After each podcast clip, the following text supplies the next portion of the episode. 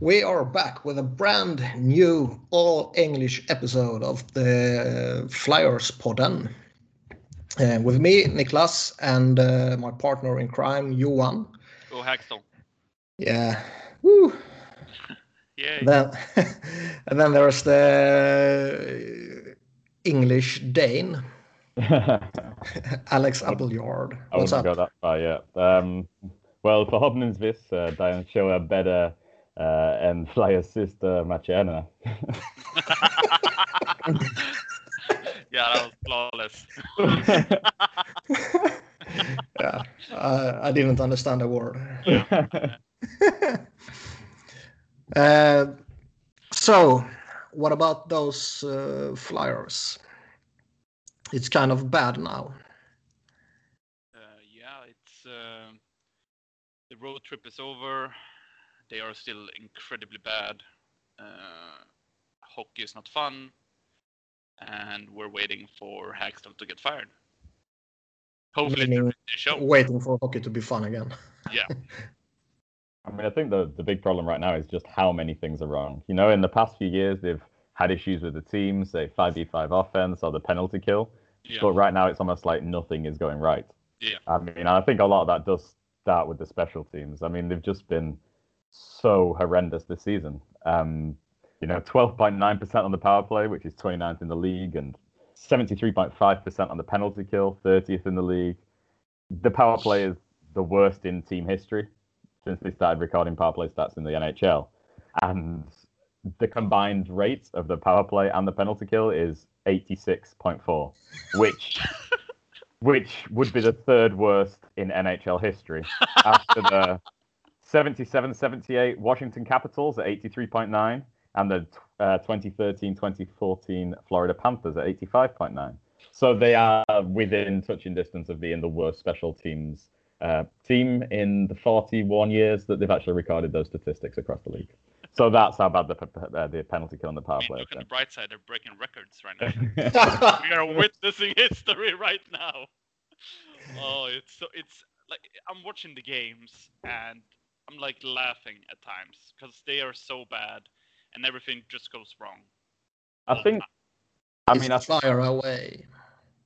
I think the only small um, positive on the uh, special teams front over the last few weeks is, I think, in the final kind of just throwing everything out there and seeing if anything works. The penalty kills became a bit more aggressive and actually created some nice chances in those three goals, but I think it's just too little, too late. And when they're set up in the defensive zone, the structure just seems it seems like teams walk it into the net.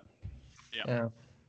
Also on this road trip, they decided to put Dale Weise on both the power play, the second power play unit, and uh, PK. So uh, that's uh, interesting to say the least. And I, I, c- I can never understand how Dale Weise on the PK can be a thing. He has never played more than like a few shifts here and there during his career, and now he's pretty much on the PK all the time. Yeah. especially when you consider the Flyers have Couturier and Giroux and Simmonds and um, Laughton and Raffl, who've all proven to be pretty good penalty killers over their career. Yeah. Mm. Yeah, it, it it's slightly frustrating in that regard. Although he did score one nice shot-handed goal. Give that. Yeah.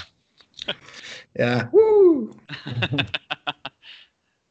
Yeah, I'm at the state now where I'm just mad when they score, and I'm cheering when they are uh, losing. I just want the coach to gone. I can't stand it Yeah. anymore. Uh, I still watch the games, and I still like follows everything and stuff like that, but I just don't care anymore. one of my favorite things to do for the past I don't know maybe month month and a half is to to read the replies to the Flyers Twitter when they post something. It is so funny. Everyone is just giving them so much shit, and I am laughing and crying and laughing, and it, it's amazing. So if you haven't done that, you need to do it. It's it's awesome. Yeah, been there, done that. I think what's even more ridiculous is it's almost the perfect storm. You know, with the special teams both being atrocious at the same time, and I mean the goal is this. I mean, I, I think in in previous years, there was always kind of the national media attention on Flyers goalies when it wasn't that much of an issue. Yeah. You know, like when Steve Mason was here, the Flyers had a solid net minding. Last season, even Elliott was very good at 5v5, and the penalty kill being atrocious, I think, brought his numbers down. But this season, I don't think the goalies on the Flyers have any excuse. Yeah. I think the 5v5, the Flyers' defense is okay and generally has been under Hakstol. I think it's one area where it's hard not to give him credit. I think he ran a really good neutral zone, defensive zone system. I mean, this season, the expected goals against figures, it's 2.34 expected goals against uh, per 60 at 5v5, which is the 11th best in the NHL. But the goalies have made saves at 90.17, which is the third worst in the league. So, you know, That's when what you happens when you have AHL goalies. yeah, I mean, unfortunately, and I think they've been thrust into a pretty uh, poor situation. It's not ideal for them for this to be their kind of first elongated stretch in the case of Stolarz. And I mean, when you look at the math behind it, that works out uh, in effect. If you go expected goals against versus actual goals against, Flyers goalies alone have given up 12 extra goals against in 31 games just at 5v5. Yeah.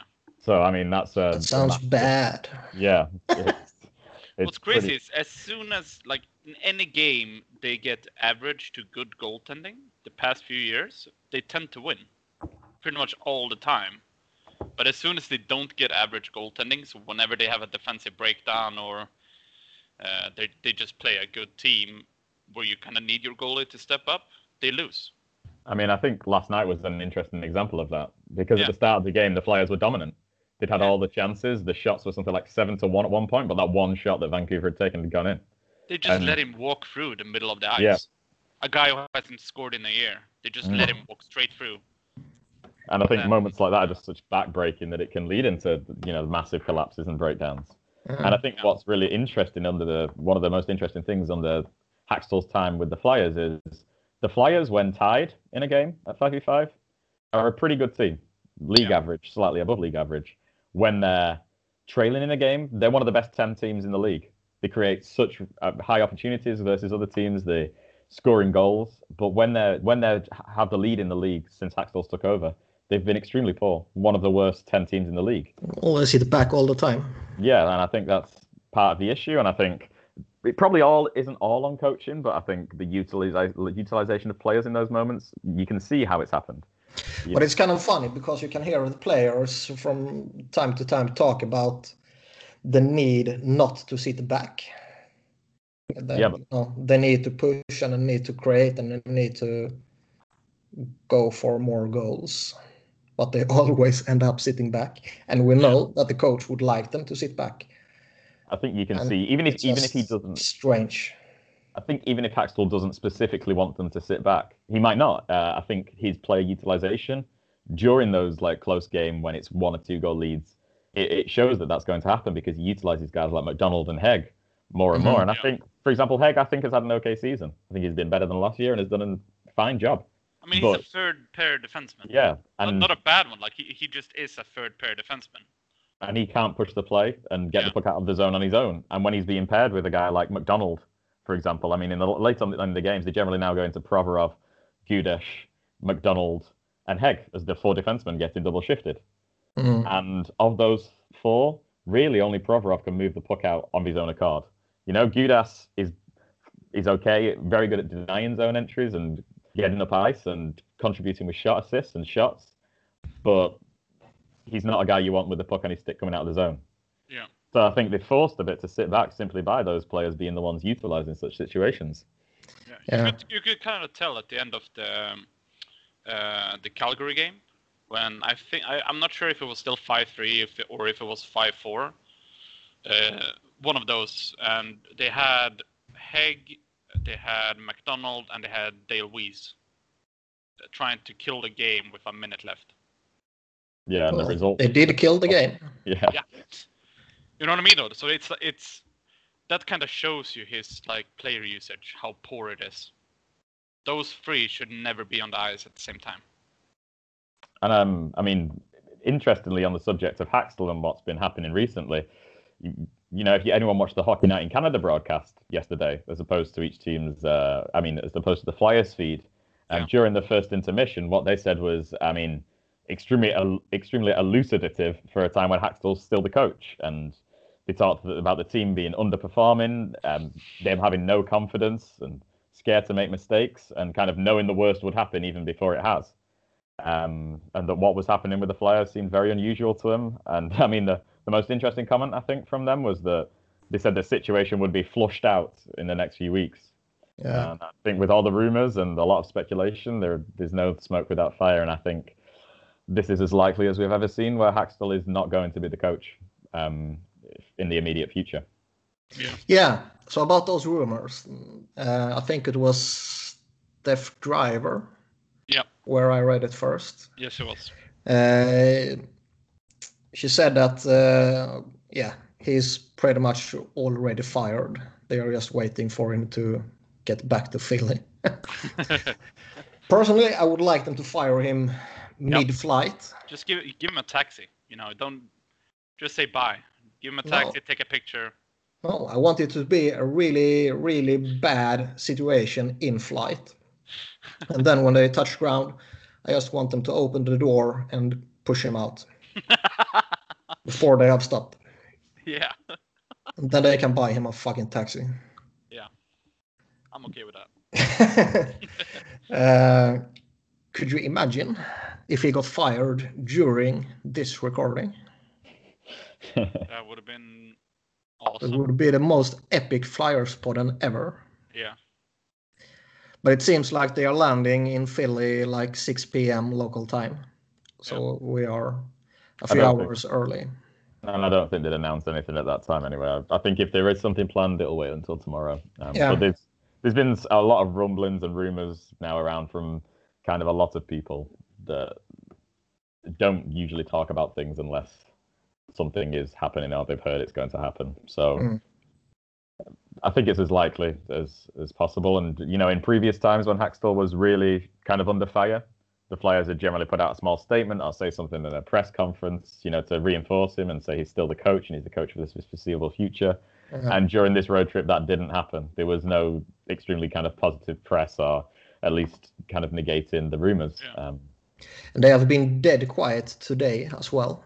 Mm, Fletcher said though uh, before the road trip started that he was going to use this time to evaluate the players and the staff, and so it, it, in that sense it makes sense as well now and I think especially, that he makes a decision on the coaching staff.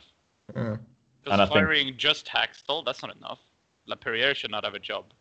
Uh, I don't mind Knoblauch. I I wouldn't mind if they assigned him to the Phantoms or something. But the way this power play is now, he does not deserve a job either. I think I would probably make him head coach of the Phantoms because I still think he's a good young coach on the rise. Yeah. And then I will put uh, Scott Gordon as an assistant coach in the NHL. Yeah. But if they bring in, uh, for example, Coach Q, he's gonna want his own guys. I'm I'm, I'm assuming. Yeah, probably. So No, I I- guess he already has someone in mind for a PK coach if he's the one they uh, decide to hire. well, I think, you know, there's been rumors about the whole uh, Joel Quenneville situation since the day that Hextall was fired. I mean, we, we had a qu- quote from Dave Scott that, in effect, he insinuated that um, Quenneville's name came up. He spoke to Hextall about it, but um, when Yeah. when Quenneville was fired, but that Hextall wanted to stick with the plan. And you know, that's coming from one of the Flyers' top executives. And it's a big vote of confidence for Dave Just- Hakstol. Yeah. I thought it was kind of funny that he mentioned another coach while they still decided to keep their own. Uh, That's sort of strange. Yeah, I mean, it was three weeks ago, and then they brought in Fletcher, and this talk with Fletcher having links to Quenneville, and Eh, I I mean, ultimately, I think the Flyers want him. I think they did not making a secret about that. I think everyone would- who's heard rumors knows that there's some kind of truth behind that. But I think the the, the question is is Quenneville wanting to coach as soon? Yeah. yeah, I think it was Pierre Lebrun that said a few weeks ago that he wanted to like celebrate Christmas, and then he can take another job. But you know, if the Flyers came calling and uh, offering a whole shitload of money, then maybe Christmas is not so important. Yeah. I hope. Oh, I hope he gets fired today. The only or, reason, or tomorrow. I hope. Yeah.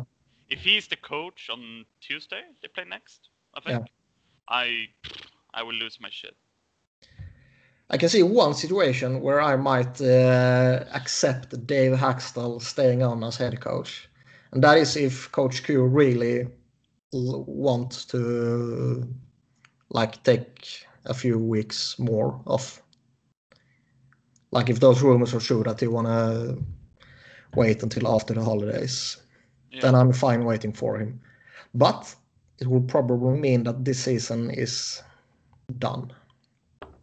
I mean, from a playoff perspective, right Yeah, now, I, yeah. I mean, you look at the the kind of statistics behind it, and with the way it is right now, it's looking kind of like 92 to 93 points on the season would be what it would take to kind of squeak into the wild card spot, or to have a good chance of squeaking into the wild uh, card spot.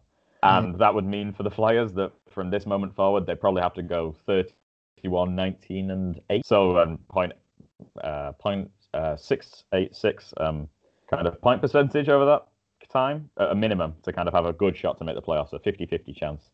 So they'd have to play at 113 point pace for the rest of the year. And to compare that to all the teams in the NHL right now, that would mean they would be second or third in the NHL at this point if they'd played to a point uh, 686 um, point uh, pace at, like, right now. Because the leaders are Tampa with 0.773, and then Winnipeg with uh, 0.688, and then Nashville with 0.682. So it would mean the Flyers being one of the best two or three teams in the league for the rest of the season for them to make the playoffs. So, Sounds Yeah. like you don't think they are. Um, personally, I would say the the chances of them making the playoffs are not great right now. But that could change with a five five game winning streak or something like that, which is completely possible. And, yeah, let's say a new coach and uh, a trade or two, and who and knows? plus, uh, the one thing that you can kind of be optimistic about is right now the Flyers PDO, which is effectively a measure, measure of luck. You know, all PDO almost always uh, averages out between 99.5 and 100.5 over large sample spans.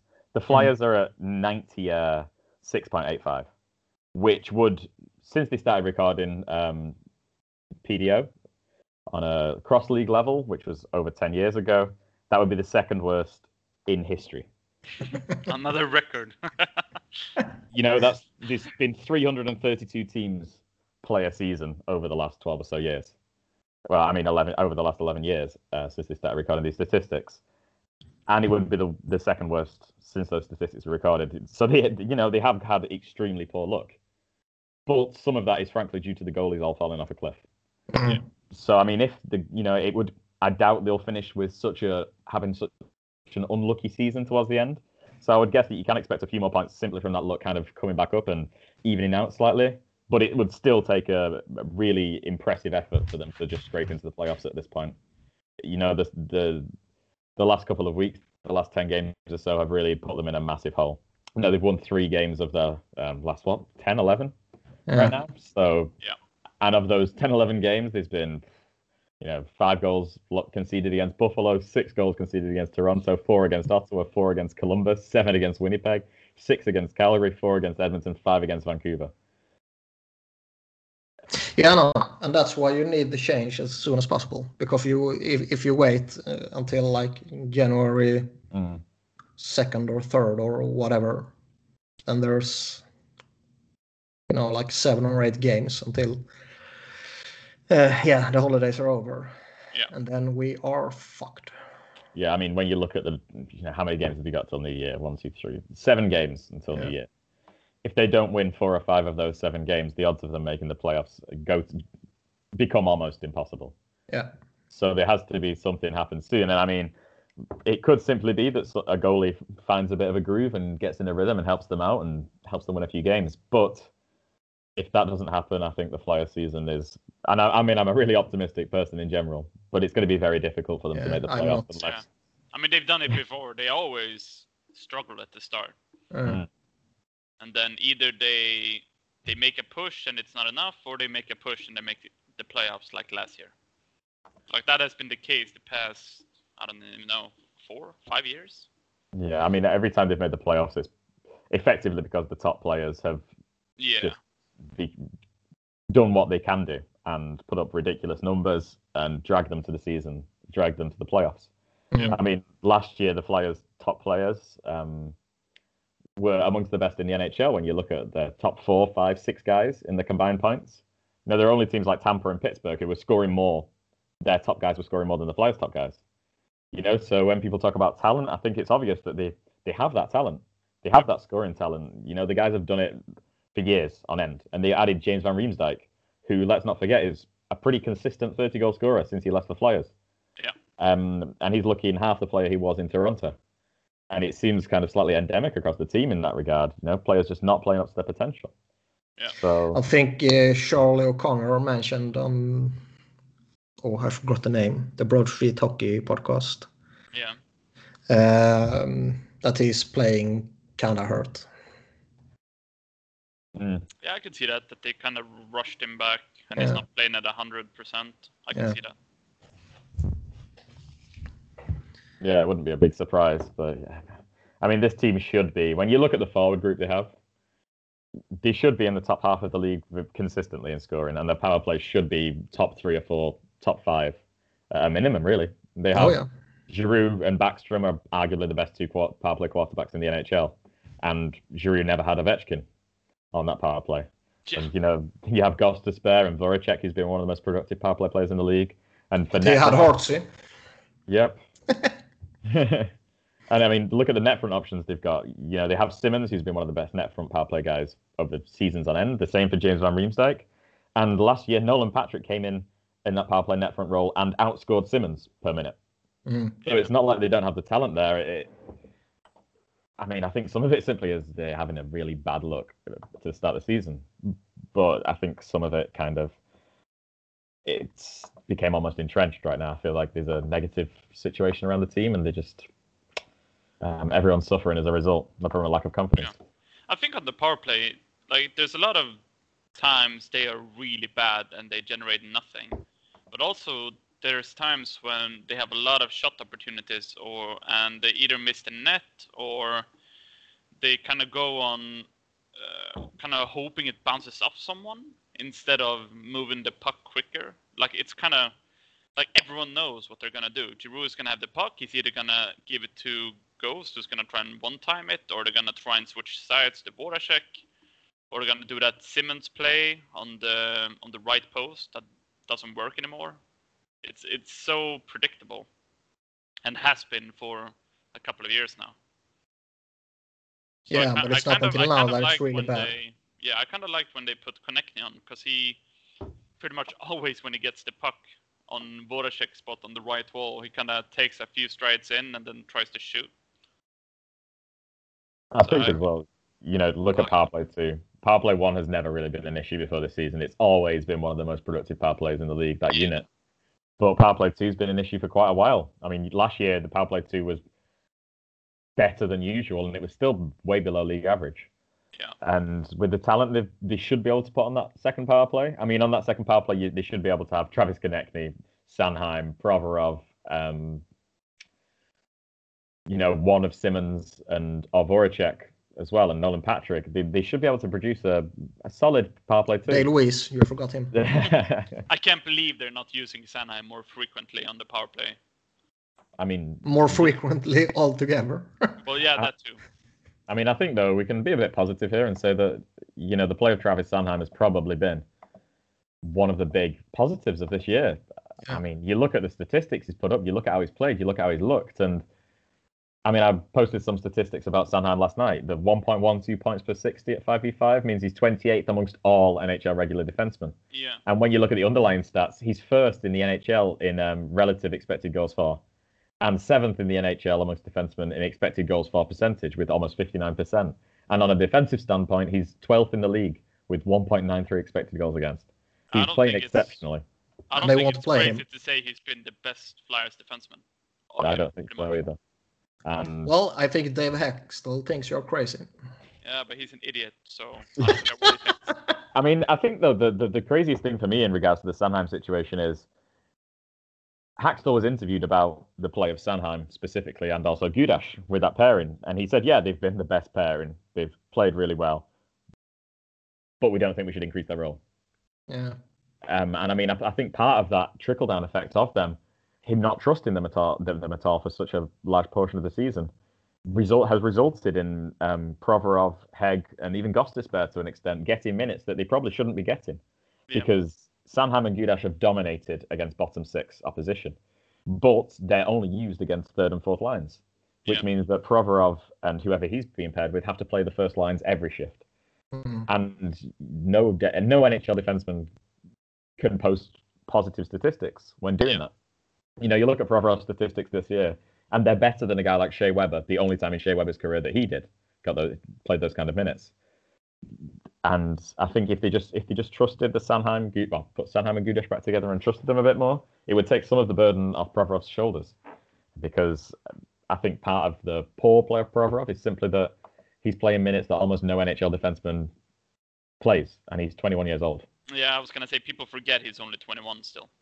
You know, guys like Drew Doughty and Duncan Keith and Shea Weber were not playing first lines every single shift if they were even in the NHL at the age of 21, which some of those guys weren't.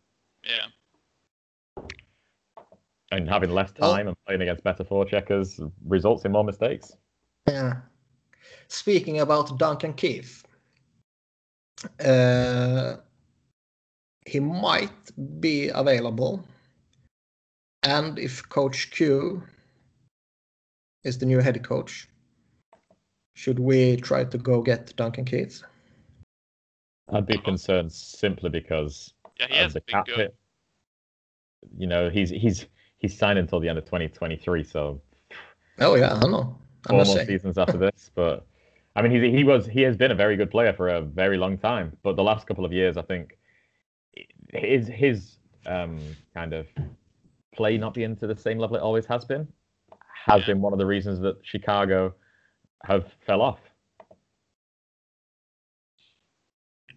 Yeah, I'm not saying go get him because I'm concerned about the four years. I'm, I don't think I'm concerned short term because I think, yeah, he, he's in a bad spot in a bad uh, Chicago team. But long term, ah, I don't want four more years of Duncan Keith. Oh yeah, I think if he, you know, for the next couple of years, I think he would help almost any team in the league. Yeah, I think some of his decline has been overplayed. He's still a good player. I mean, he Yeah. scores at a great rate, five v five. He doesn't need the power play to produce. I think it No. depends what kind of role you put him in. Yeah, and I think you know with the Flyers, they don't need him for their power play. Yeah. Really, really. Gostisbehere is a better power play quarterback oh yeah, than Duncan Keith. So then you're like, then it comes down to would he's not really the guy ever been the guy who you play versus opposition best lines every shift, starting in his own zone more than that. So it becomes a kind of question of fit. He would certainly help the team in the short term, but I think with the the cap hit and the fact that he, I don't think he really ideally fits the Flyers' needs. Could, would I'd rather go after potentially be an Parayko. Parayko or Josh Manson. Yeah. I think, think- Manson would be a very nice partner for Provorov. I think Manson as well is a guy who, like Provorov, has been negatively affected this season by the ice time he's been asked to see. Mm. You know, he had a fantastic. Yeah, I remember your tweet from like Yeah. a week ago or something. And the Ducks have not been good. no, not at all. Especially uh, like half, maybe a month back, when they just got outshot like 45 to 15 or something crazy, like every game. Uh, Yeah. But they got a good goalie. yeah, yeah. We can we can get Gibson. Thank you. yeah. Take him as well. uh, I think yeah, that I would Uh, try uh, to make a Simmonds for Manson deal or Simmonds for Parayko. You probably have to uh, add something to to get maybe both, but especially Parayko. that's sort of the, the type of Simmonds deal I, I've been wanting for quite a while. Mm. For a defenseman. I think it should be interesting in regards to the defense. I mean, from my perspective right now, the Flyers actually, for the first time since the Timonen and Pronger days, really have actually four top four level defensemen. I Yeah. think, you know, Provorov and Gostisbehere are either a number one. I think Provorov kind of played like one last year and probably would be playing like one if he had not such crazy minutes. Mm. And Gos- Gostisbehere, you know, is a very good, say, number two defenseman. And Gudas is what he is. He's a solid number four. But Sanheim, I think, has shown that he can also play a top four role this year. And, you know, with if, with Phil Myers coming, and I think he will be on the team sooner rather than later. I think they have a good core on the defense to build around, and Robert Hegg, I think this year has played played well. I think in a number five role or so, um, paired with the right partner, and not getting such crazy usage, he would actually probably be a positive player overall. Um, I agree. so I think the defense is close to being able to compete with people. And I think, you know, you look at the statistics at 5v5 and they're a solid defense. But it's a matter of um, kind of add, I think if they're going to add something, to add the right piece. Yeah, but I do think they need to add. I do think they need uh, like a boost. I think something. Short term this season, at least. I think in regards to the Simmonds question as well, when Hextall was in charge, I felt I, I I felt like Simmonds was less likely to be moved. I thought they would, you know, either see out the season with him or um, re-sign him. But I, Yeah. I feel like the the under Fletcher, I think it's probably more likely that Simmonds would be moved. Simply I hope so. I honestly don't know. I I've been thinking about that. If I think it's uh, a bigger chance now that he gets moved, I honestly don't know. I I hope they move him. I really do, but I'm so scared that he's gonna, like with a new GM, he comes in, he's the popular guy, team guy, and he just he thinks, yeah, we have a lot of cap space, and then they just sign him. I think if they sign him, it's because like Homer and upper management values his uh, like leadership skills. Tangibles. Uh, because you hear it from now and then that like when they do bad cop, good cop, Giroux is like the good cop and Simmonds is like the bad cop. Uh, and they haven't had that mentality in the team since Chris Pronger. So I think they value Wayne Simmonds quite a bit. Yeah. And that kind of scares me. I think for me, you know, if this was pre pre lockout in a non cap world, you'd you'd give Wayne Simmonds kind of what he wanted. Give Yeah. him six Yeah. million a year for three or four, five year, four years. So long as he's not Yeah. completely washed up by that point, you can still play him in your bottom six and have him as a team guy. But now in a cap world, with having to re-sign restricted free agents and um, get very good young players um, off their entry level contracts and onto their uh, a bridge deal, etc., it, it's way more difficult to balance that. And um, Yeah. Yeah, you, know, can, you Simmonds- can't sign him. last thing you want to do is to sign a new bad contract. I mean, it might take a year or two before it is a bad contract, but you don't want to do that when you're about to finally get rid of, you know, Lehtera or MacDonald or whatever. They've always had a couple of bad contracts, and they're finally about to get rid of them. Then you don't want to sign another one for six years or whatever Simmonds is gonna get. I mean, I think you know that you look at him versus players around the league, and he he should be able to demand six million for Yeah. say four years, and I think someone will give him that contract. I think And he's gonna get more term. Yeah. and good luck to him as well because he was Yeah. underpaid for his whole Oh, career. I totally get why he wants it, and I think he deserves it. I just don't think there's a fit with this team. Yeah, and I think especially you know now he's it's not his fault that you know he still is a solid middle six winger at five v five, but the Flyers have Konecny and Voracek on the same wing, who are both better five v five players than him. Yeah. And on the power play, you know they have Nolan Patrick who showed last year he can be good, and they have James Van Riemsdyk, who is one of the few players in the last few years who looks as good on the power play as Simmonds. Yeah. And they have Dale Weise.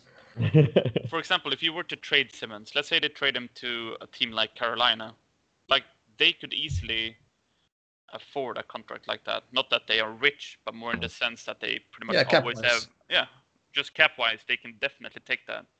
And he help he he would help that team which is exactly what they need. If Mm, it's he's- leadership, toughness, goal scoring, all that stuff. Yeah, Like, and he we would can be a use perfect uh, Slavin or Pesh. Yeah. I think you, in the teams that are going to be interested in Wayne Simmonds, I think there's quite a lot because he has a unique skill set. And while on the Flyers, I think that skill set is it's not redundant, but it's not as impactful as it used to be, simply because he is the third best um, kind of 5v5 right winger on the team. And quite frankly, I would say Michael Raffl is a similar level 5v5 player, if not better, than a guy like Wayne Simmonds, irregardless of Wayne being far and away better on the power play and more skillful. Yeah. And their overall effect on the team is probably similar at 5v5. And Yeah. Lindblom, you know, to start the year showed how good good he was at 5v5 and puts up better numbers than Simmonds since he started his career. So, you're starting to look well. If they moved Simmonds, what would they lose at five v five? They could slide Lindblom or Raffl into a slightly bigger role, and they probably wouldn't lose any production at five v five. And then on the power play, you have you have James Van Riemsdyk now on the power play, one over him. So what are you losing then from the power play? And he could literally be a 30 goal scorer for another team and be their go-to power play guy. Yeah. And that's valuable for it them. just makes so much sense to for a team like Carolina. Everything they want and need is what Wayne Simmonds is basically. I think as well you have other teams that would be. I mean, I think pretty much every team would want to trade for him. I, I mean, I I- just think that everyone loves Wayne Simmonds for I think you know. for me, a, an interesting fit is uh, Nashville Predators because they're one of the best teams in the league. But they, you know, their power play has been poor, and uh, they're in a kind of win win now mode. Yeah, give me Tolvanen. You get it. and or Fiala. Just give me one of them. And I think that would that could be a fit, but obviously it's kind of too early to speculate on the whole thing. And I, I would guess that they see what the new coach does. Um, and as we get more towards the playoffs, I think that's when a decision on Simmonds will be made. Yeah. Yeah. So, anything else we uh, expect uh, Mr. Fletcher to do? I, I mean, I think you know uh, Ian Laperriere um, will be gone. I, I just can't see him. I think he probably won't be fired, but move somewhere else in the organization, back into a player development role or something like that. Yeah. Um, because the penalty kill really can't be excused anymore. It's kind of the fourth season of them being poor, you know, Yeah. and it's really affecting the team negatively. They, you know, before when when Craig Berube was in charge of the penalty kill, you can say what you want about Craig Berube as a head coach, but that penalty kill was always good. Yep. I think he's a really good assistant coach, but Yeah, a I really think crappy so head coach. Uh, and this is why I would probably bring Scott Gordon up from the AHL. You know, the the shuffle we spoke about earlier, putting Knoblauch down there and bringing Gordon up because Yeah. it seems like he's a good PK coach.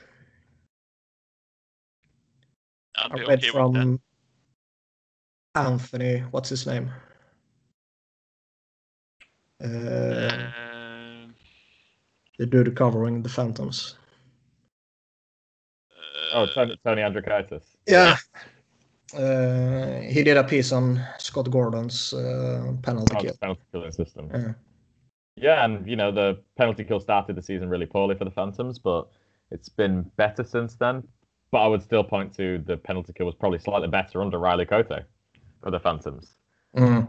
But I mean, if it's short term, potentially. But I think ultimately, whoever the new coach is will certainly decide on their assistants, and that might involve keeping, say, Knoblauch or moving him somewhere else in the organization. Um, but I can't see them retaining Laperriere now. From just a logical perspective, it yeah. seems un- an untenable position. It's not like it's his first season as a PK coach either. Mm. And I think uh, a new GM with no ties whatsoever to the organization is less likely to be loyal to him as a fellow from the Flyers family might be. Yeah, uh, potential for that to be true for sure. Yeah. So, what about uh, trades? We spoke a little about uh, Simmonds. We spoke a little bit about uh, Manson, Parayko, Keith. Do you think there's any uh, other defenders that we need to discuss?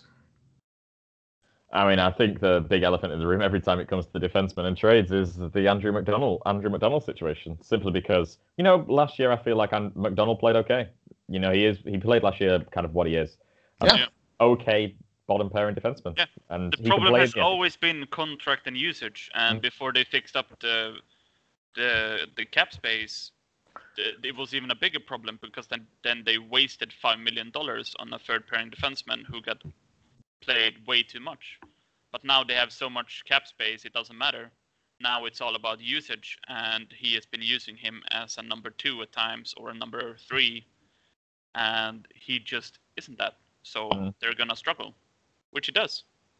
But if he got if he played in the third pair and got third pair minutes and was playing PK like the second unit on the PK, Yeah, he's a, That's he's an okay PK defenseman at times. If you put Hägg, Hägg and MacDonald as a third pair, I think they will do fine.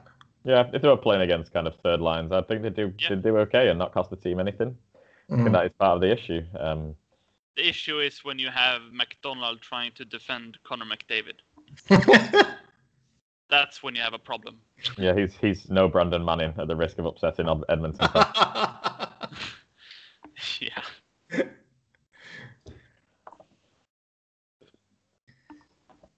so, mean, I think- uh, yeah, go ahead.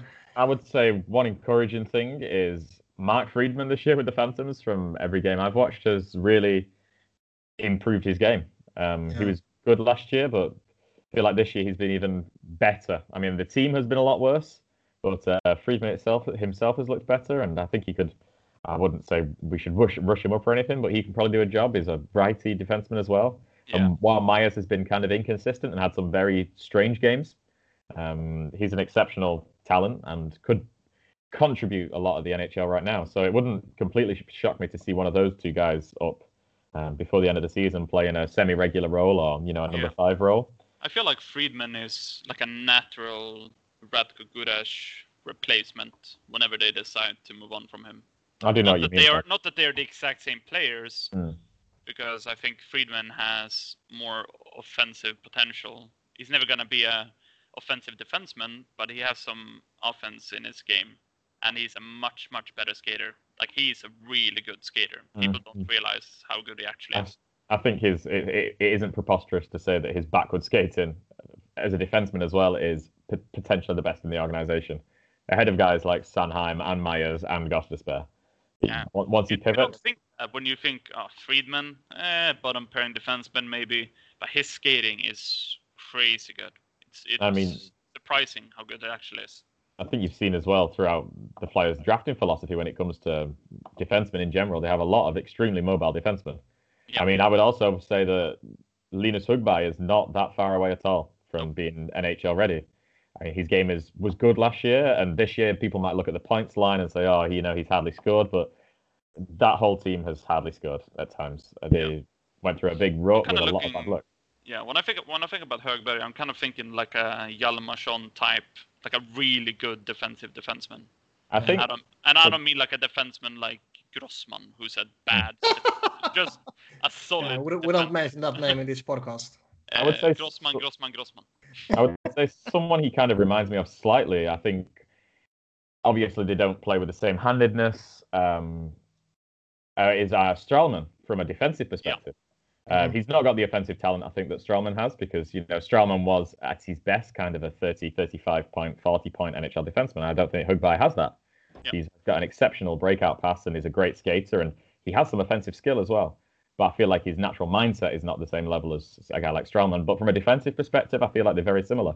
They both have a great hockey IQ.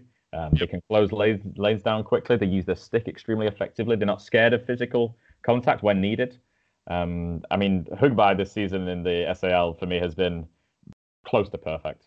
Um, Yeah, You watch his game, and it's so rare he's on the ice for um, a goal or a turnover, or he, he he's just extremely consistent. I mean, you look at the statistics, and yeah, he only has two goals. The the whole defense hasn't scored. So But- what's interesting? Sorry, you continue. Yeah, but I mean, you look at his Corsi this season is fifty nine point six six percent, which is the best of any regular Yeah, it's SHL defenseman. ridiculous. And he's still 20, I think. Yeah, 1, 20. 20. Yeah, that's yeah, pretty. he's young for his draft year. Yeah, I was gonna say what's interesting with a defenseman like him, if he develops into the player it looks like he's about to, you could play him in any pair. Yeah, he's not going to hold people back. Yep. He- yeah, it would be. It's they have the defense coming. I think it's just, um, you know, with if Sanheim can continue to play how he has this year, and Gostisbehere and Provorov can kind of get back to last year's form, that's you know a terrifying prospect with guys like Myers and Friedman and Högberg coming in the probably the close future, the next couple of years. Yeah, and you've got this. Uh, uh, what's his name? Samula. Yeah, Oh yeah, he's started to kind of he's really. taking big strides. Or Yeah, making he's big strides. Tearing it up right now. Uh, yeah, he's really starting to light up the WHL from defense. And you look at his skill set. I mean, everyone saw him in training camp. It was a surprise to see a big guy with no weight on his frame kind of hold his own against good AHL players and a couple of NHLers. mm. And he's approaching point per game. right now, Yeah. and has really turned up his play recently. They have so many prospects. Uh, They have So- too many prospects. yeah, so they're gonna have to deal some.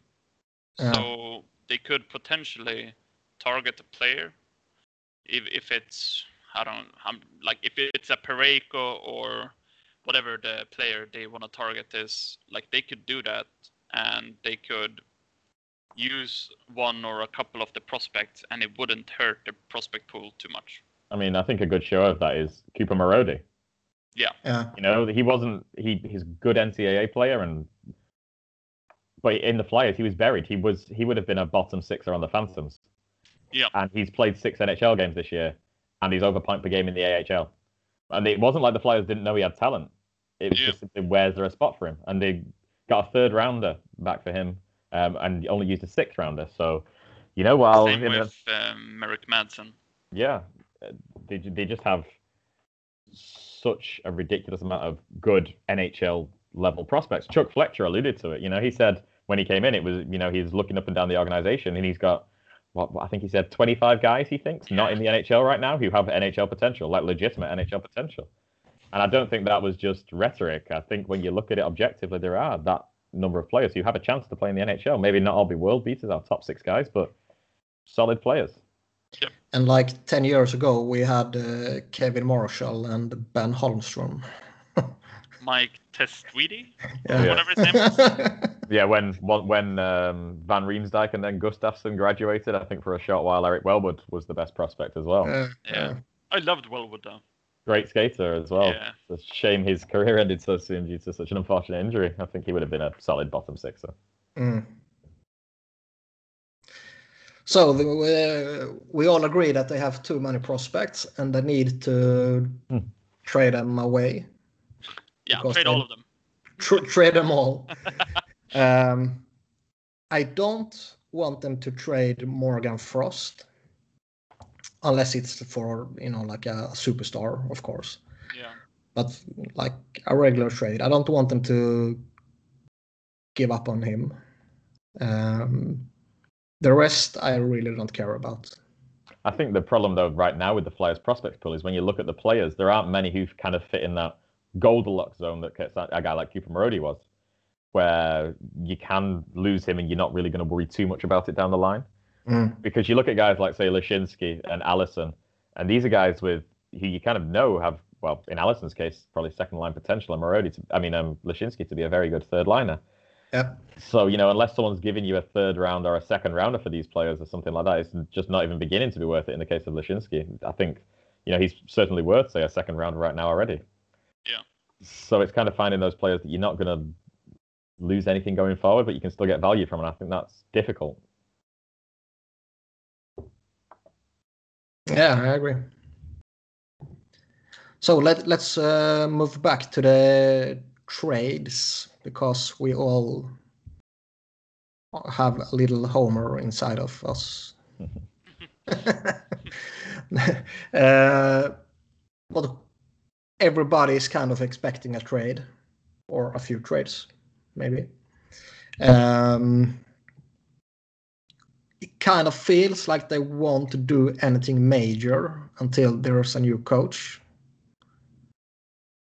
Because if Quenneville or whoever is hired, it will most likely be for several years, and we can probably, uh, yeah, we all know that Quenneville would like something to say about the roster. Yeah. I mean, it's fair to say they're they're they're gonna have to bring in a goalie, Yeah, especially now when Stolarz got injured last night. well, you know, on Tuesday, it might very well be Carter Hart's time. Yeah. I think uh, Neuvirth went home to be with his uh, wife when she gave birth.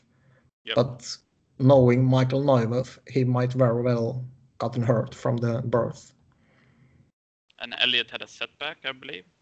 Do you know that Michael Neuvirth was on injured reserve nine months ago with a lower body injury? And now he's a dad. I'm just saying. you, think you think they're connected? I know they are. no, but news. yeah.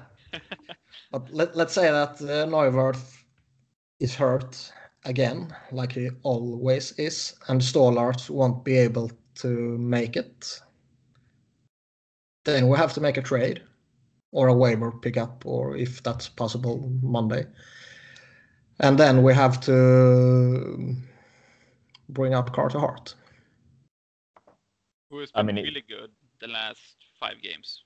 Yeah, Last one they had he let in four goals, but apparently it was more the defense, and he was kind of standing Yeah. on his head. Um, making- but do you want to put making Carter. Hart behind this team right now? I mean, no matter the coach. If, No. if we just talk about Tuesday. I think what's difficult as well is when you examine the goaltender market right now. There's some big names who people talk about being available, but they'll cost a hell of a lot and have long contracts going forward. Uh, Or, I mean, what's really left after that is the issue. I mean, the the only name that seems a feasibility in terms of would cost nothing is a guy like Kari Lehtonen, who I'm not sure would do any better than a guy like Elliott on this team because he's probably about the same level goalie as Elliott, maybe worse. I don't think you need to replace Elliott. No, no. I think I think you need a one A one B uh, situation with Elliott and like Jimmy Howard or Lehtonen or Talbot or Steve Mason. Yeah, um, I'm so, so I, I, I don't I don't think you, these. yeah I don't think you need to bring in like Bobrovsky right now. Uh, the team would be better with him probably, but they would also have to pay a shitload of stuff to Columbus. Yeah, And uh, I think if you just go get a Howard or Talbot or something like that, I think you will be fine. Um, but I kind of don't want to pay a first rounder for Jimmy Howard. Nope. And who knows what Talbot will will cost you. I You mean- are speaking to Peter Chiarelli, but everybody knows that the Flyers are in desperate need of a goaltender, even Chiarelli. I mean, you look at the options as well, and they just seem to keep narrowing. You know, with with Ryan Miller, for example, getting injured, Mm. that was a guy who was a UFA at the end of the year and could have could potentially be had. Although I know he seemingly really wanted to stay on the West Coast. Um, yeah. I don't you know- think that would have been an option, to be honest. You know, Varlamov is expiring, but Colorado aren't going to let him go with them playing so well right now. Um, and then you look at the other options. It there aren't many. It's pretty, pretty much a guy like Talbot or um, you know Mike Smith or potentially Jimmy Howard. Uh, before you start speaking about you know Cam Ward and Jonathan Quick and those names that kind of came up. I But- can't believe I, I'm reading people on Twitter and th- they want Jonathan Quick. I'm, Um, I'm not saying I want him because I most certainly don't want him, Yeah, but I can see him being a flyer. Yeah, it wouldn't be an enormous, enormous out of this world surprise, but I just think it would be a. Well, but it would like be. he, A, he has. Well, I- I think he has four more years. He's already 32 and is injury prone. yeah, I know. I'm not saying I want him. Yeah, so I, I'm. I'm so tired of having injured goalies, bad goalies, inconsistent goalies, and then people are like, "Yeah, let's get Quick." Who is I mean, he- I- pretty much everything. I mean, I mean, he's good when he's Yeah. healthy. I'm, I'm not saying he's not, but I don't think it's worth Yeah, the risk. so so is Brian Elliott. yeah, I think as well, you know, when you when you're looking at a goalie, it, it, it's about some flexibility and having a short-term solution. You know, with, with the way, for example, we they have Carter Hart, they have they have so many good young goalie prospects. so Mm. That Just having a guy for one or two years who can hold the fort, and Elliott should have really been that guy, but Yeah, with him out right now, that's difficult. Um, I think if they're going to go and get a goalie, it should just be a short-term solution, so they can Yeah. then reassess going forward and not worry about giving out big cap space to a goalie, etc. Well, there are a few rumors that they want to go hunting this summer and try to get uh, Bobrovsky if he hits the market. And I don't know if you can sign Bob for like three years. Sure, do it, but you won't be able to. Mm. And I think it would be the ultimate Flyers irony for them to have let Bobrovsky go to sign Brizgal to have Bryzgalov as the number one, and then re-sign Bobrovsky, and have him do the exact same to another goalie. Well, maybe there's a potential amnesty buyout with a new lockout. I mean, a player like Bobrovsky would, of course, be a big upgrade, and I think he's not the goalie that he's played like this year. You know, I feel like he is Yeah, a guy who's he's the top better. goalie in the Yeah. league, Yeah. and he would make the Flyers better. But he's already on a seven and a half million cap hit, and he's, you know, he's not old for a goal. He's only thirty years old, but he's going to require six, seven years. If he took less than that, you know, it'd be a bigger cap hit. yeah, he'll get at least six years for 10 million. Yeah, I think it's gonna be something like that. He'll get the It's a shame Price because he- contract, kind of. The fact if they could sign a goalie like Bob, who, let's say he did, he wasn't gonna have that kind of cap hit, that would be like golden for this team to be able think- to sign someone without having to give up assets. Obviously, now when it's gonna be a really expensive and long contract, it's not gonna be worth it. But yeah, that would have been pretty perfect.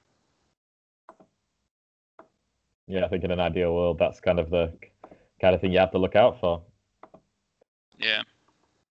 I mean, you never know. You, like, there's no guarantees that Carter Hart is gonna be what what we want him to be. Like, there's never course any is. guarantees, but it's kind of.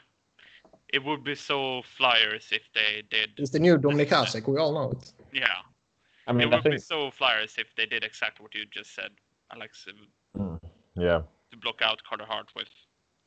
No, they won't block him out, they will trade him. Yeah, or that. And I think when you look at it, they haven't been, you know, stats are not perfect by any means, even as someone who loves them. Um, but you look at what Carter Hart did in the WHL and for Canada, and he had arguably the best CHL season since they started recording net mining statistics.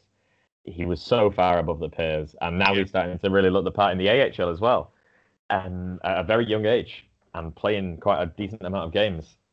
And I think it would be a surprise for me if he wasn't at least uh, okay starter. Yeah. Yeah.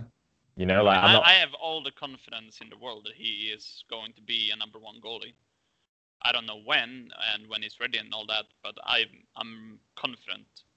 But I, at the same time, I'm so tired of this goalie problem thing.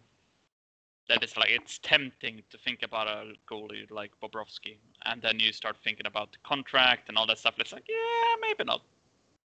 And then you go back and watch one more Flyers game, and it's like, yeah, maybe it's worth it. and it's like, yeah, maybe not.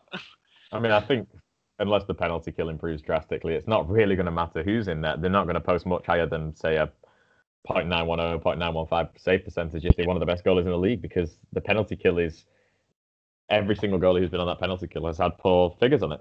That's what makes this whole season even more frustrating. That they're basically about to waste another year of Voracek and Giroux, especially Giroux, who is killing it.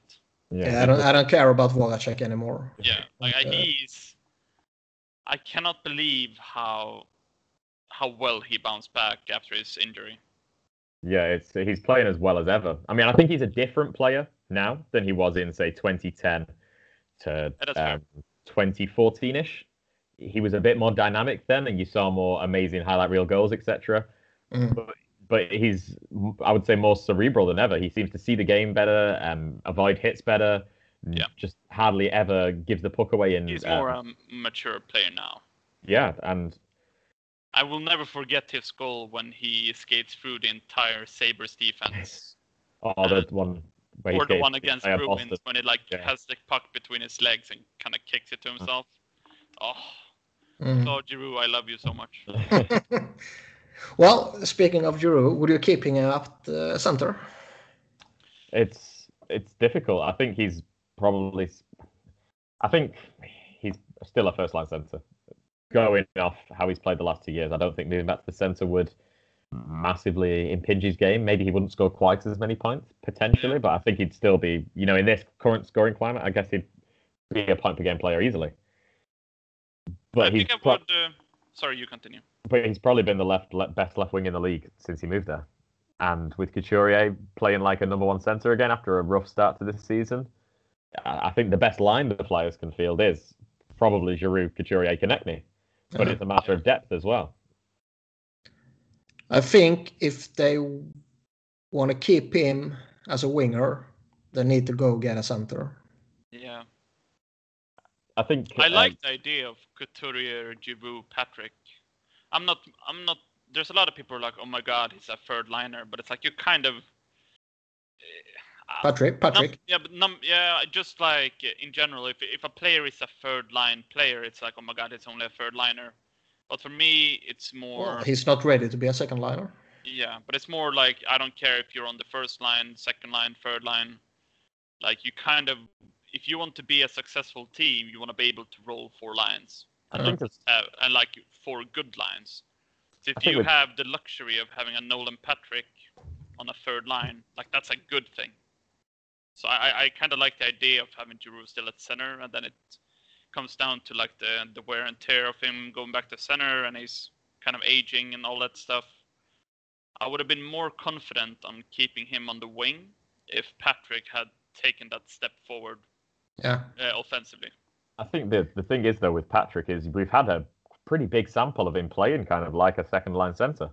You know, from Christmas last year and then the first 15 or so games of this season, he was he was playing at that level. I mean, Yeah. You know, through his first 14 games, he had nine points, led the team I think with five goals, was playing really well. Yeah. And then they destroyed the line that he was on and gave him less minutes. Yeah, I mean, I'm. Uh, if if people follow me on Twitter, they know I don't. that I'm.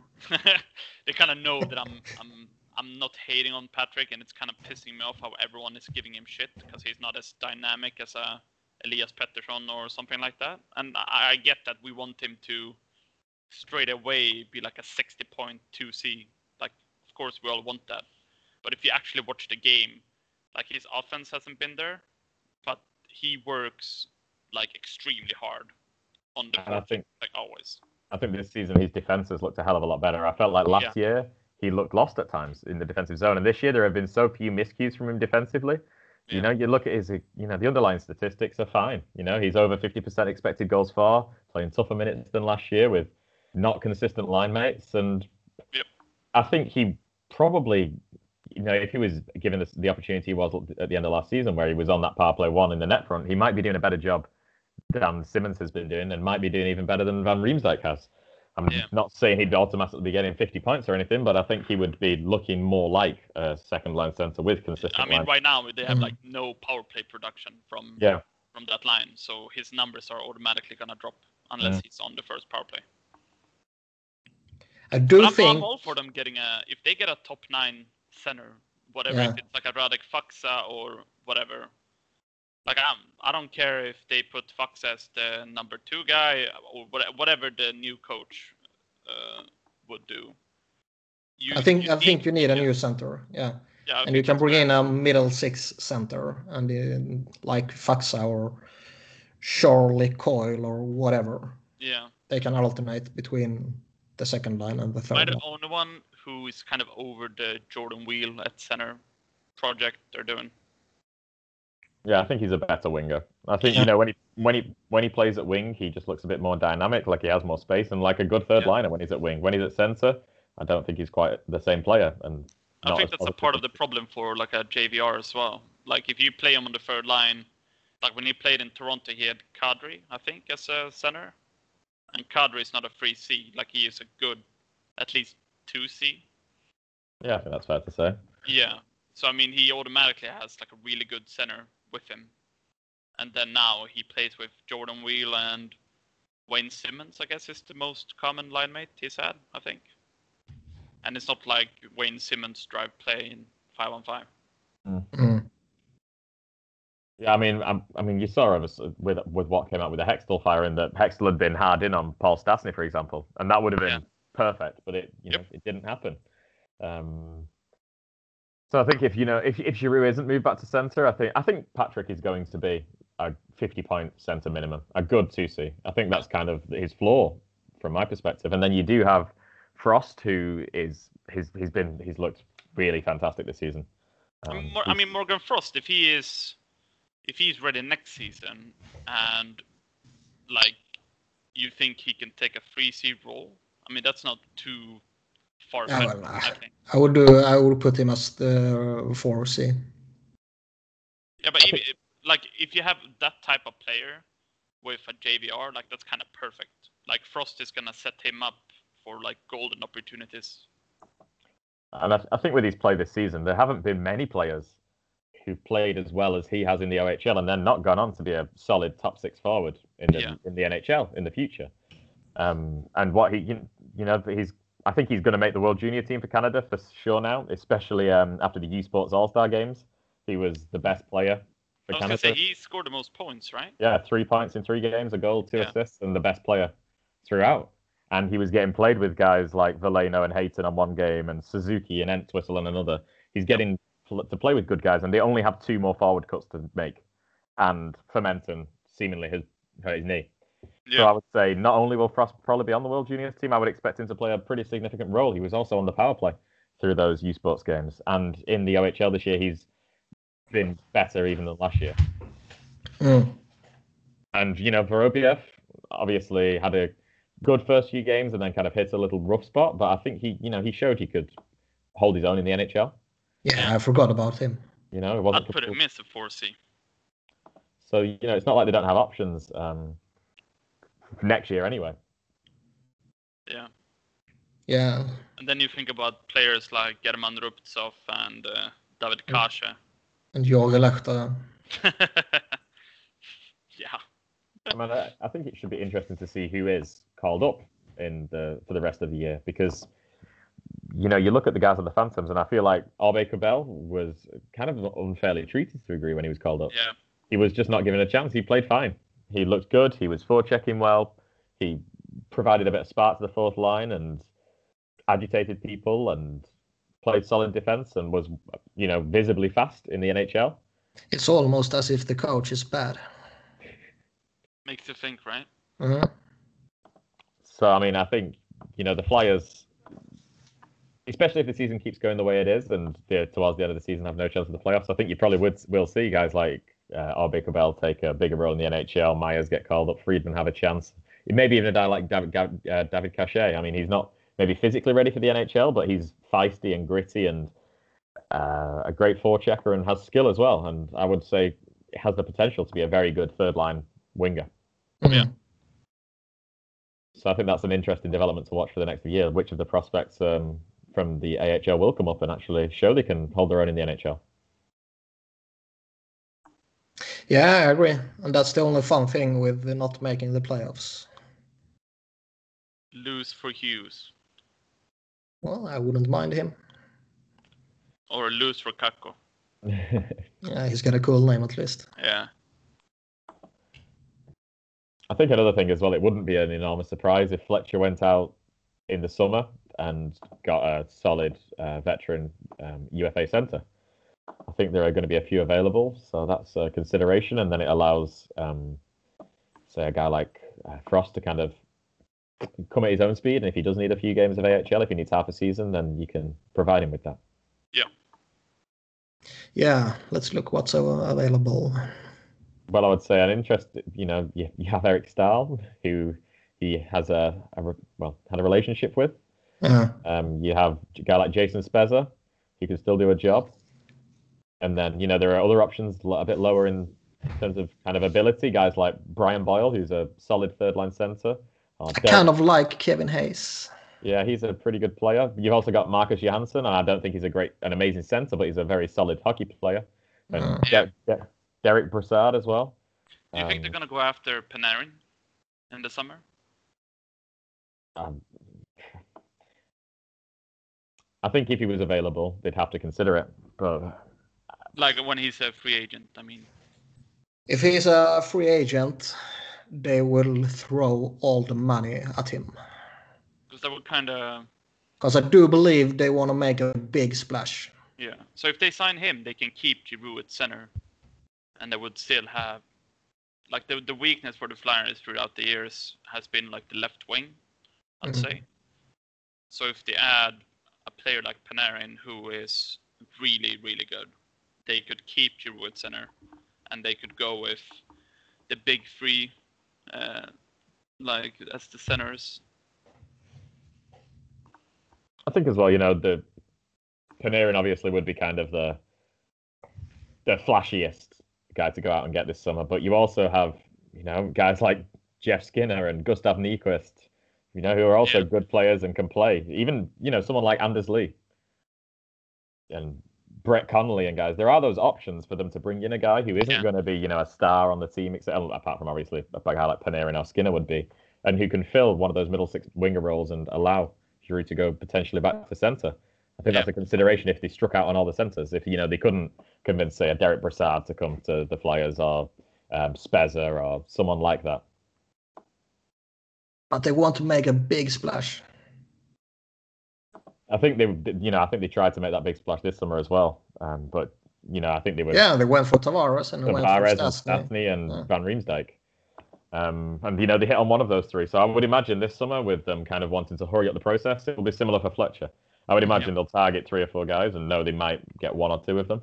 I just Um, can't imagine Paul Holmgren like when when he and Fletcher are talking about free agents this summer. It's like, yeah, who should we target? And it's I can't imagine him not saying like someone like Panarin or maybe even like Matt Duchene or something like Mark Stone. Hmm. Like I can't imagine him not bringing those type of players up. Yeah, I agree. Yeah, it will be interesting to see for sure. because that's like like an easy way to like get back on the good side of the fans and bring people back into the arena. It's like a big Mm. a big signing, Yeah, I think Yeah. it would boost the morale. which is also what everything. Quenneville would be if they got him as a coach. Like that is also a big signing. Yeah, it's a statement. Yeah. And that's probably why they want him. Yeah, And I do believe the Flyers are a good team to sell to a coach. And I think they would be a good team to sell for a player like Panarin or Oh yeah, Duchene, sure. whoever Yeah. they're targeting. Yeah, and I think you know you can see. I think anyone would can see the talent they have. You know, you see the guys on neutral broadcasts talk about the amount of youth and talent the Flyers have. So I don't Yeah. think it's like the players are blind to it. Yeah. So, final question before uh, Alex don't want to do this anymore. Doesn't want to talk to us more than he has to. he doesn't love us anymore. I'm sorry, I've I've become even more Danish since last time, so I have to pretend pretend to hate Sweden, even though they're you're the second best country. um, if we had to do one thing or could do one thing, what would we do with a team? And I- I guess, or Yeah, I'm talking trade wise. okay. Um, I mean, from my perspective, I think you're talking about wingers. I would go try and go and get a younger forward who's already proven in the NHL, um, based around Wayne Simmonds. Um, I think that would Yeah, provide a 5v5 spark immediately, and you probably wouldn't lose anything on the power play while gaining assets. I mean, I've spoke about it before, but a guy like Kevin Fiala Yep. um, would be perfect. I spoke about a guy like Ryan Hartman last year, though the situation has changed now. Uh, Timo Meier um, a year and a half ago, those kind of players. Yeah. Um, You're not getting Timo though. No, not now. Or, you know, a guy like Adrian Kempe, although I think with the the way the LA are going, that's not going to happen. But a player who's on a team that want to make a push, um, team that are kind of in their window and would happily go and get Wayne Simmonds for losing maybe some youth going forward. Yeah, I'm kind of on the same uh, same wavelength. I, I wouldn't mind if it's a forward, like you said, Fiala. I wouldn't mind if it's uh, for like a Brett Pesce or if they try and do some sort of Manson, like we talked about earlier, or Parayko.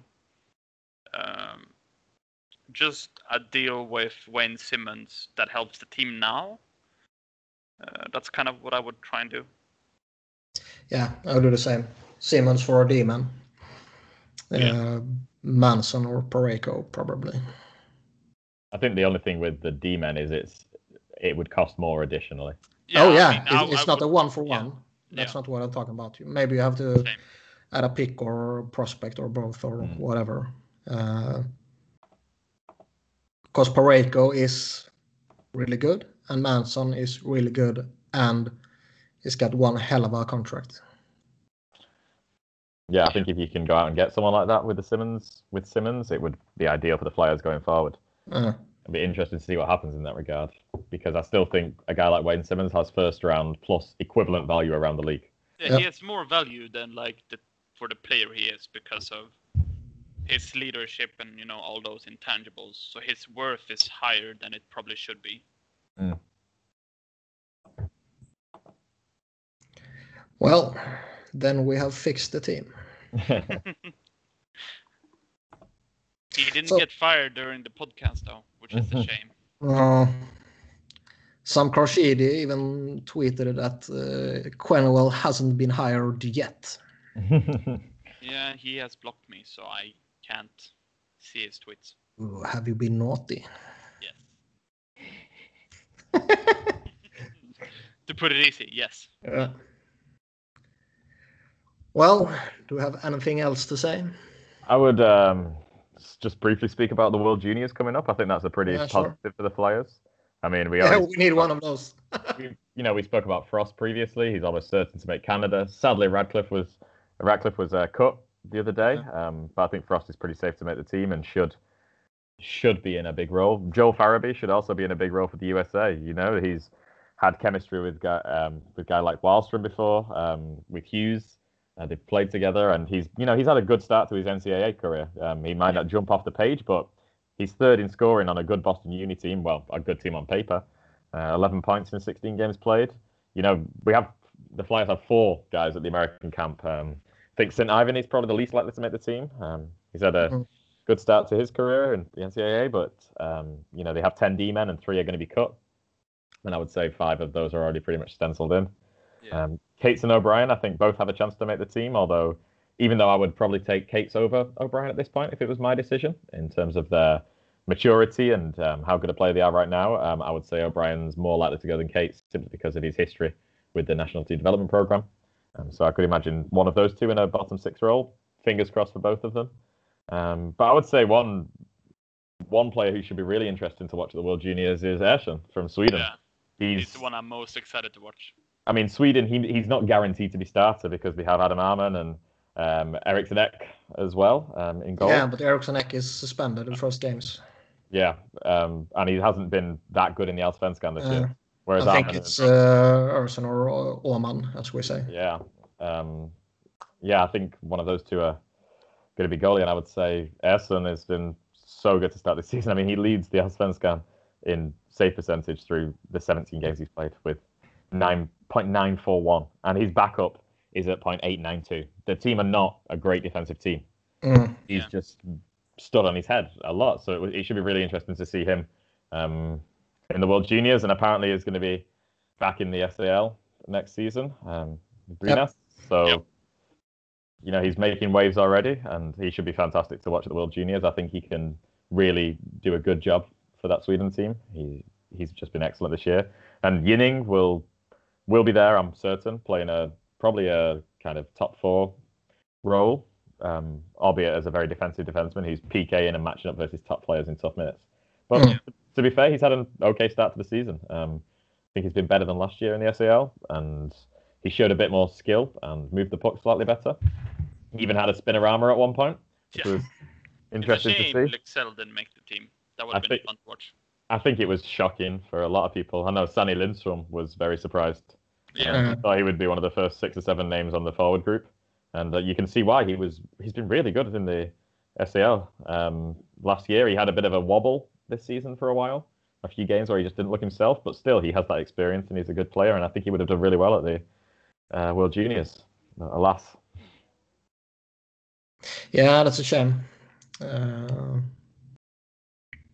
maybe the coach saw his old profile picture on Elite Prospects and thought that he's not old enough. Yeah, he looks like he's 11. I just Yeah, hope, There, there's a new picture now, so it's not so funny. Oh, anymore. really? Yeah. I just hope that one day they have a Frost uh, Kase Lycksell line, and they just use their original draft photos. It'd look like we're playing Pee Wee. yeah, let's do it. so yeah, there's you know there's I think the World Juniors should be fun this year. Maybe I think uh, it's kind of under the radar right now in a way with what's happening with the Flyers, but I think they're going to have probably Frost and Farabee for sure playing really big roles on two of the better teams at the tournament. which should be really fun to watch. And you know that's the Flyers' best centre prospect and best winger prospect, really. Yeah, Mm. Um, you're going to get to see them on a uh, the World Showcase. I'm really very- excited for Farabee. Mm. Yeah, I think he's had a low key, really good start to the season, and Yeah. he's such a cerebral, smart player. Um, with really no holes to his game, he's a complete 200 foot player. Yep. uh, just after being drafted, while he was drafted, and I'm still slightly in shock that the Flyers managed to actually get him. Because for Mm. me, he was a top 10 kind of talent. Yeah. Well, Dave Hakstol still hasn't been fired. Yep. Maybe we should just wait until he is. Let's sit, let's sit in silence for a couple of hours until he gets fired. Yeah, let's not do that. Go and okay. go and watch the Eagles lose instead. Yeah, maybe someone will hate me now, but I don't really care about that. I watch now and then, but they normally lose. Uh, You see, I grew up, grew up with my dad playing American football, so still watch uh, a lot of NFL as well as hockey. Maybe they will fire Dave Hakstol during the game. Wouldn't surprise me. Maybe they will announce it on site like at halftime or whatever. yeah. Sounds that would be cool. Well, um, thank you, Alex, oh, it was a pleasure, as So- always. And uh, Johan. Yes. Yeah, whatever. yeah. Yeah. Whatever. Doesn't matter. Uh, uh, we will be back when Dave Hakstol is fired and Joel Quenneville is hired, and they have made a blockbuster trade. So it might take five hours, it might take five days, or it might take five weeks. Or five years. Well, thanks for listening, and uh, goodbye. Bye, everyone. Yep, see you all.